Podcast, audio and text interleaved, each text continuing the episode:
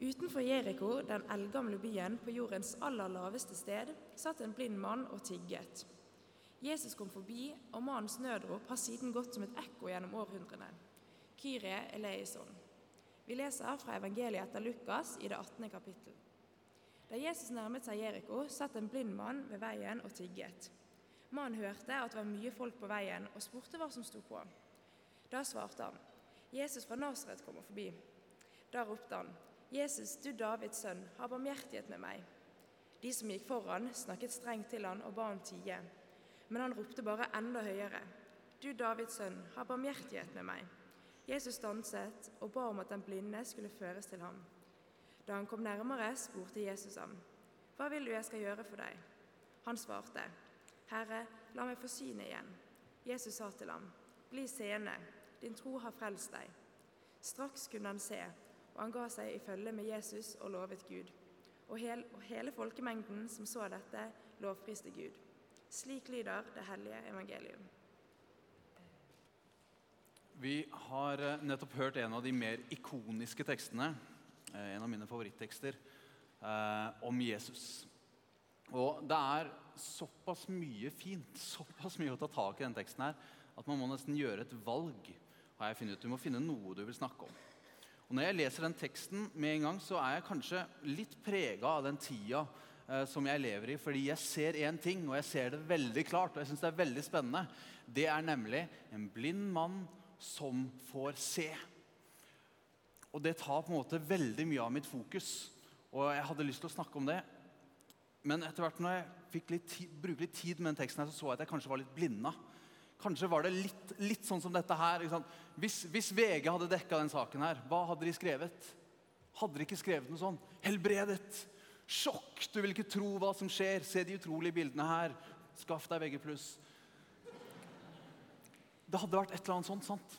Men hvis vi lar oss rive med av overskriftene, hvis vi lar oss rive med av det virkelig spektakulære her, så går vi kanskje glipp av det aller mest verdifulle. For i mellomrommet på disse store miraklene som Jesus gjør, så skjer det noe enda større. Noe som er enda større enn helbredet. Ja, jeg vil faktisk påstå at det store miraklet i den teksten som vi nettopp hørte, er ikke at denne mannen får se, men at han blir sett. Tenk på det. Hvis Gud har skapt hele verden, hvor vanskelig å tro på er det at han kan skape et par friske øyne til? Det er et tegn, men ikke noe mer enn det på hvem Jesus er. Men hvor stort er det ikke at skaper, selve skaperen av universet, evner å se dette ene mennesket? Da jeg studerte, så var jeg jevnlig på en konfirmantfestival i Bodø. Eh, og jeg hadde som jobb der å være i husbandet. Men jeg skulle også være med å lede en sånn gruppe som alle konfirmantene skulle være med i. De skulle være med i en sånn liten gruppe som het Se og bli sett-gruppe. Eh, og det var et sabla mas. For i den gruppa så hadde du da masse 14-åringer, og det var de som var, hadde lyst til å liksom bare ta ordet og bare 'Vi må lage en TikTok.' Og, ok, Eh, eller et eller annet i den duren. Og så hadde du de som satt stille i hjørnet og bare helst ikke ville synes. Og så hadde du de som egentlig var litt for kule for å være der og hadde veldig behov for å si liksom, du Rudolf, jeg driter i Jesus, jeg er for pengene. Og det. Eh. Og så skal du få den gjengen her da, til å se hverandre og bli sett. Det var et mas. Men det som var merkelig, var at etter en uke med eh, det, som, det som jeg kaller 'hver gang vi møtes'-metoden At én snakker, og så hører resten på. Og ser, ikke sant? Så én ser, og um, mange ser, og én blir sett. Og når vi hadde bytta på det, så fant vi ut at ja, de stille hadde noe fint å komme med. De som absolutt skulle showe og feste, de hadde også noe sårbart. Og i hverandre så fant de noen fellestrekk. De kjente seg igjen i hverandre. Og det ble et eller annet veldig veldig verdifullt. Se og bli sett-gruppene var det fineste. Dette tror jeg ganske mange konfirmantledere, tidligere konfirmantledere sikkert kan kjenne igjen. Jeg tror det handla om at det ble lov å vise det de hadde på innsida. De kunne være ærlige om de tingene de bar på. Og det å være ærlig det gjør man jo hele tida når man er barn. sant? Hvis du har et behov for å bli sett, så roper du ut. Om det er liksom 'Se på denne fine tegningen av deg, da!' Ja, den var fin. Ja, du så ikke. Eller det er 'Å, jeg skada meg'. Ja, ja, mamma. Blåse. Eller, eller om det var at 'Pappa, jeg får det ikke til. Hjelp'. Jeg var i hvert fall mye bedre på det før. Å rope ut når jeg fikk, når jeg trengte noe. Men så skjer det noe et eller annet i, før 14-årsalderen som i hvert fall skjedde med meg, at jeg slutta å rope. Kanskje var det fordi jeg hadde lyst til å få det til selv. Kanskje var det fordi jeg tenkte at det var litt sånn teit. Kanskje var det fordi jeg så alle andre rundt og tenkte at ok, hvis, hvis ingen andre sier noe, skal i hvert fall ikke jeg heller gjøre det. Men ropene er der fortsatt. Vi bærer de med oss på innsida. Og Kanskje skjuler vi det også litt på det samfunnet vi lever i, som hyller det spektakulære, det sterke, det uavhengige og selvstendige. Det fins en slags merkelig tanke om at det å bli voksen, det er å klare seg uten andre. Men så ligger ropet der i oss. Det forsvinner ikke fordi det er menneskelig. Ropet om at noen skal se det vi får til. Ropet om smerten som vi bærer på inni oss. Ropet om at vi klarer det ikke alene. Kort sagt et rop om at noen skal bare se hele meg og si at 'ja, det der, det elsker jeg'.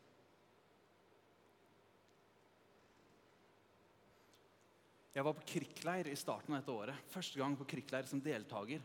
Og da måtte det bli en leir for sånne voksne kirkelige ansatte. Og Det var skikkelig fint, altså. Eh, og der kom biskop, eller tidligere biskop Per Arne Dahl. Og så hadde han en bibeltime som handla basically om én ting. At vi voksne og da, da tar jeg med også dere som er under 30 i dette rommet.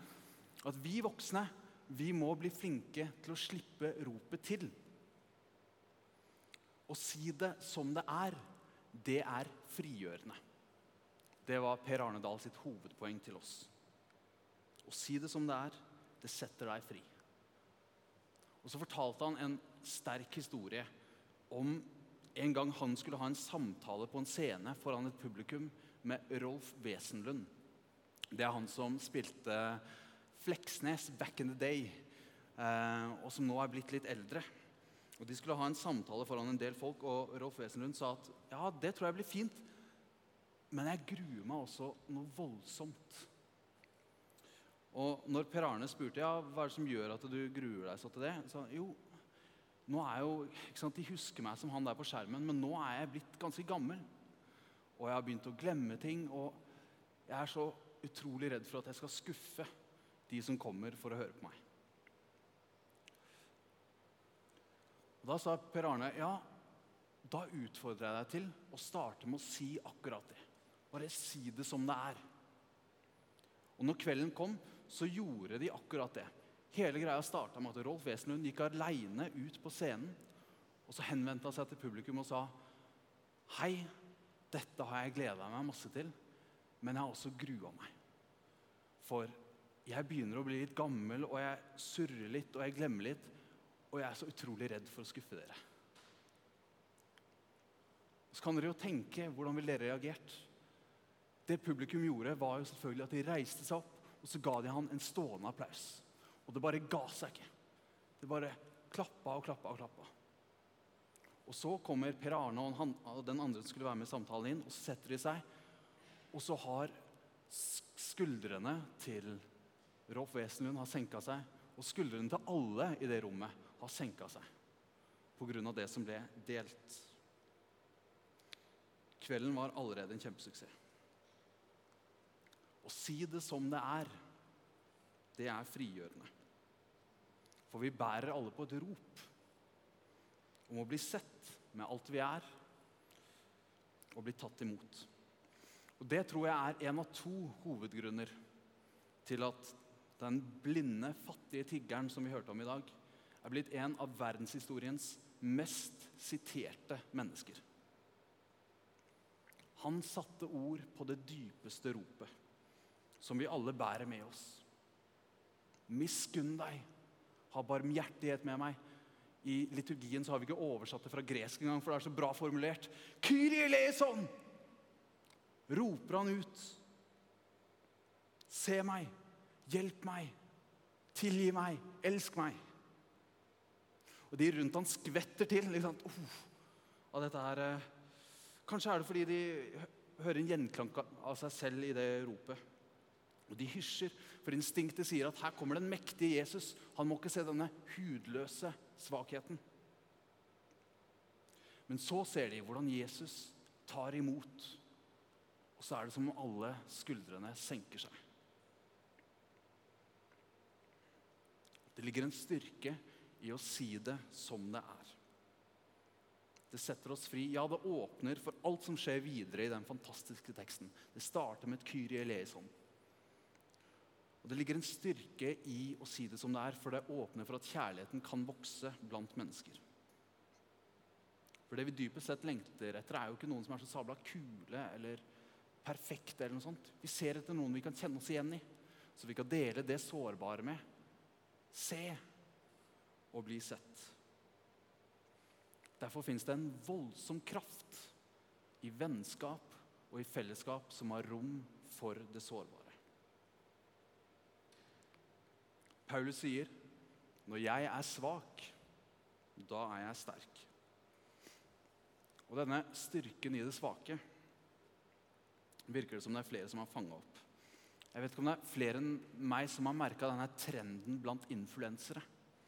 At med jevne mellomrom skal det deles et eller annet sårt og vanskelig og intimt. Og Det er sikkert en del ting som kommer fra hjertet, altså. For all del. Men jeg tror også det brukes fordi sårbarheten utløser noe sterkt i oss. Og Den kraften den kan brukes til å bygge opp, men kan også brukes til å manipulere og eie andre. Dette, er- dette synes jeg er litt krevende å snakke om, fordi det er sikkert mye fint som kan finnes i det å dele på internett og den biten der, og det er sikkert mye fint som har kommet ut av det òg. Men jeg prøver å snakke om det sånn som jeg ser det nå, i håp om at det setter noe fri. Jeg tror det finnes de som roper, de som gjør krav på offerrollen og andres sympati, uten å vende blikket utover.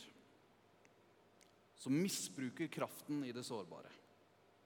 Som krever å bli sett og etterfulgt og dyrka i en enveiskommunikasjon. Og det skaper et fellesskap, men ikke et godt et. For i sunne fellesskap og i sunne vennskap så deler vi på hverandres byrder.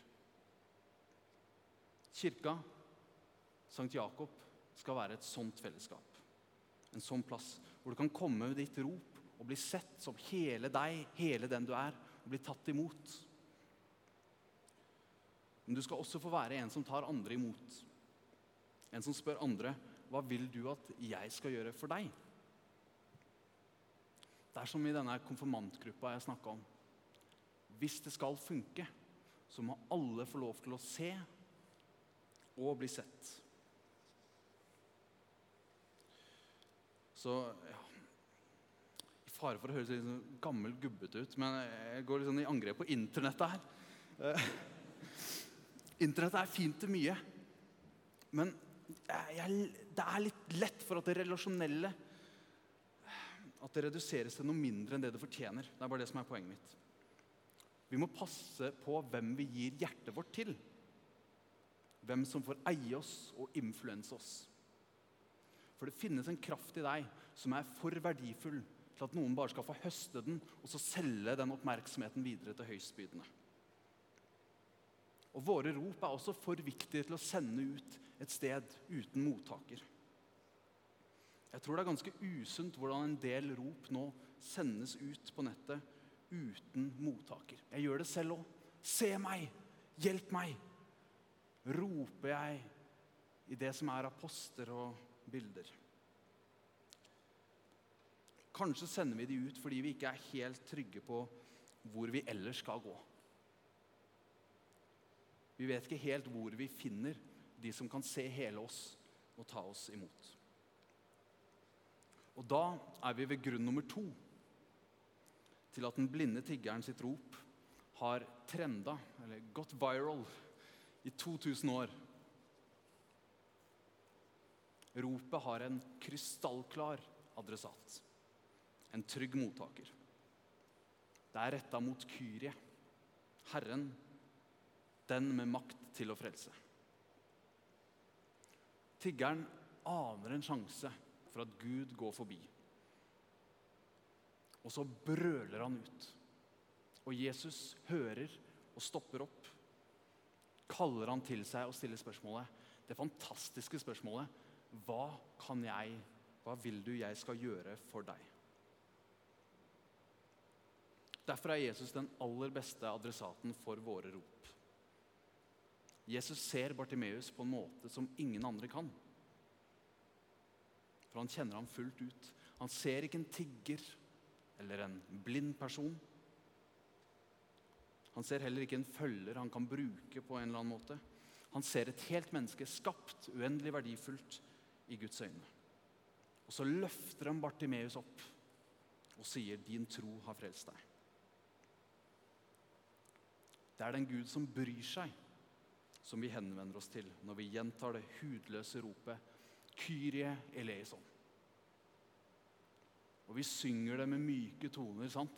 men la oss aldri glemme det rå ropet som ligger der. Råskapen. Med det ropet så gir vi lyd til de ropene som ligger dypt i oss, som ingen andre får se. Vi gir lyd til ropet til den som sitter ved siden av oss. Og vi roper på vegne av vår verden og dens nød. Se oss, hjelp oss, tilgi oss, elsk oss. Kyrie.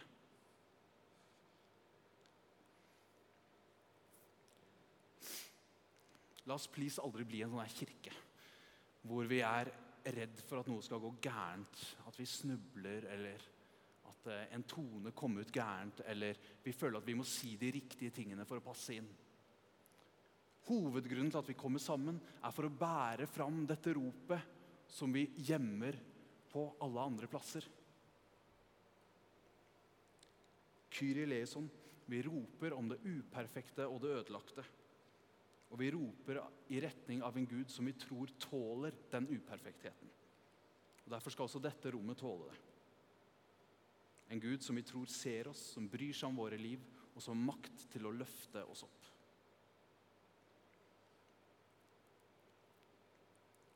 Og så er det ikke sånn at Gud leverer på bestilling. Det vet alle vi som har ropt en stund. Det skjer mye fint og godt, men det er også noen ganger hvor det føles som at ingenting skjer. Og det er en smerte i det. Men vi fortsetter å rope, som kirka har gjort i 2000 år, fordi vi tror på det fantastiske miraklet som Bibelen forteller om at Gud er en Gud som ser. At en gang skal Gud tørke bort hver tåre og vise at hvert eneste rop er hørt, og hver skapning er sett.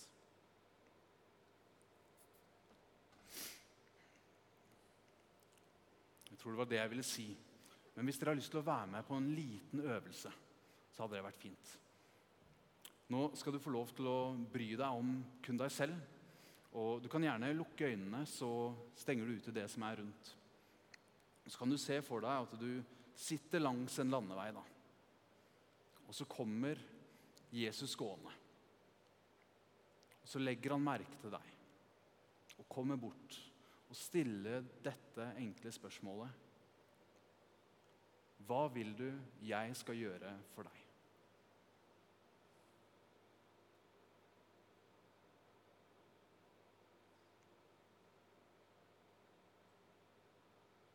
Ære være Faderen og Sønnen og Den hellige ånd, vår skaper, frelser og livgiver. Amen.